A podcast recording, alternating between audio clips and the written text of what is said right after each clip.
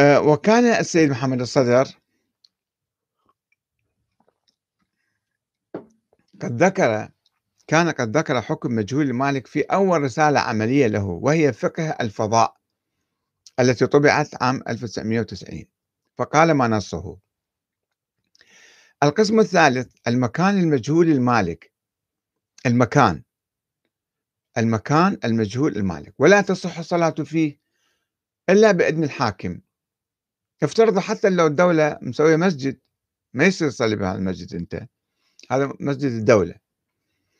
إلا بإذن الحاكم الشرعي الذي قد يكون مع اشتراط دفع البدل. يعطي إذن الحاكم الشرعي يعطي إذن مع اشتراط دفع البدل. أنت صليت بهذا المكان تروح تدفع مثلا آه، مقدار الوقت اللي استغليته فيه. وقد يكون بدونه. بس هو كيفه؟ يعطيك إذن مرة يقول لك روح ادفع البدل مرة يقول لك لا لا تدفع ما يحتاج تدفع البدل.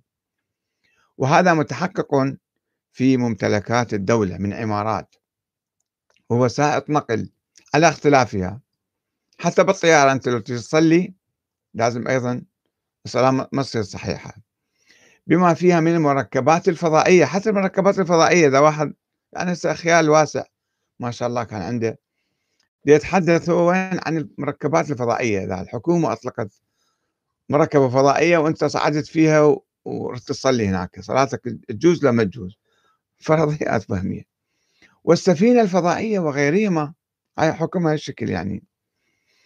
فلو صلى في المكان المجهول المالك بدون إذن الحاكم الشرعي فالأحوط إعادة الصلاة وقضائها إذا كان هو صاحب اليد عليه.